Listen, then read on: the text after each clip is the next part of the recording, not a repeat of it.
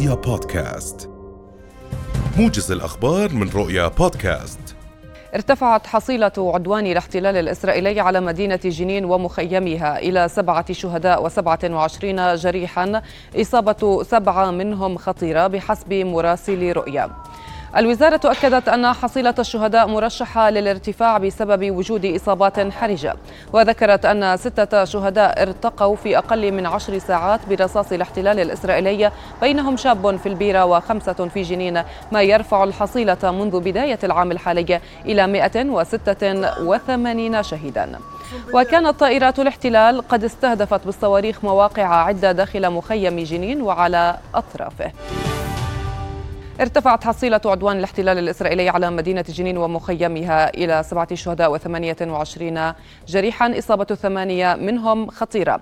للاطلاع على آخر تطورات هذا العدوان ينضم إلينا من جنين مراسل رؤيا من هناك حافظ أبو صبرة. أهلا بك حافظ. حافظ كيف تصف لنا الأوضاع الإنسانية في مدينة جنين الآن؟ وما هي آخر تطورات وأحداث العملية الإسرائيلية على مدينة جنين؟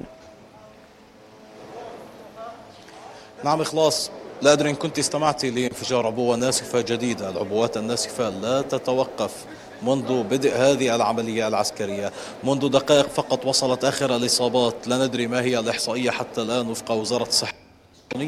ولكن عدد الشهداء سبعة اثنان منهم أخليا منذ قليل عبر طواقم الهلال الأحمر الفلسطيني وهم فتية مدنيون أصيبوا برصاص قناص إلى جانب إصابة حرجة.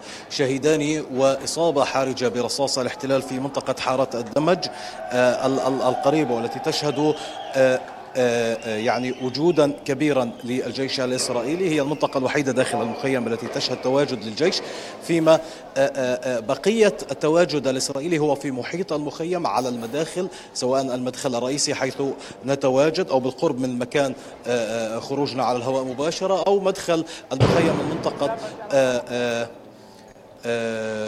دوار العودة. هنا انفجارات إطلاق رصاص هذا إطلاق رصاص واستهداف مباشر بالرصاص للشبان الفلسطينيين على مدخل المستشفى الحكومي، نحن نتواجد عند مدخل مستشفى الشهيد الدكتور خليل سليمان وهو المستشفى الحكومي في مدينة جنين، هذا إطلاق رصاص مباشر صوب المواطنين الفلسطينيين الذين يقفون هنا ضد أي استهداف ممكن للمستشفى. واعتدنا أن قوات الاحتلال عادة ما تستهدف المستشفيات الفلسطينية سيما تلك التي يتواجد فيها الجرحى من المقاومين. وزارة الصحة تقول بأن الشهداء سبعة منهم ارتقوا نتيجة لقصف الاحتلال. عشرة غارات رصدنا جزء من المباني السكانية داخل مخيم جنين قبل قليل قبيل أن يتحول المخيم إلى ساحة حرب.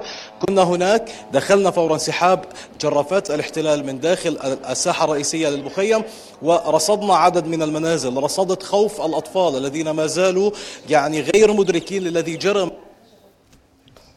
نعم. آه، منزل من المنازل استهدف بشكل مباشر في الغرفة المجاورة للأطفال منذ قليل أخلت طواقم الهلال الأحمر سبعة زملاء صحفيين حوصروا داخل منزل ومنهم عربي الذي استهدف مراسل ومصور على الهواء مباشرة وعشرة رصاصات استهدفت جسم الكاميرا باتت غير صالحة للاستعمال أيضا حقيبة البث المباشر استهدفت برصاصة متفجرة وانفجرت فجرت المباشرة التابعة للتلفزيون العربي وبعد ذلك حوصر الزملاء السبعة من التلفزيون العربي وقناة روسيا اليوم ووكالة الأناضول التركية. كلهم حوصروا لأكثر من ساعة ونصف داخل المنزل وكانوا يرسلون المناشدات لطواقم الصليب الأحمر ولكل المؤسسات المعنية بهذا الأمر إلى أن تم إخلاءهم منذ دقائق ووصلوا هنا إلى مستشفى جنين الحكومي. جنين ساحة حرب. نعم. موعد العملية العسكرية أي موعد انتهائها غير معروف إلى الآن. كل ما نقول بأن الأمور هدأت تعود لتشتعل مجددا أكثر وأكثر سواء بالاشتباكات المسلحة أو بالعبوات الناسفة والأكواع المصنعة محليا والقناصة الإسرائيليين لا يفارقون المباني المرتفعة في محيط مخيم نعم جنين وداخل مخيم جنين والاستهدافات المباشرة بالرصاص الحي إخلاص نعم وصلت الصورة. حافظ ليس بوسعنا الآن سوى الدعاء لأهلنا آه، في جنين. شكرا جزيلا مراسل رؤيا من مدينة جنين حافظ أبو صبرة.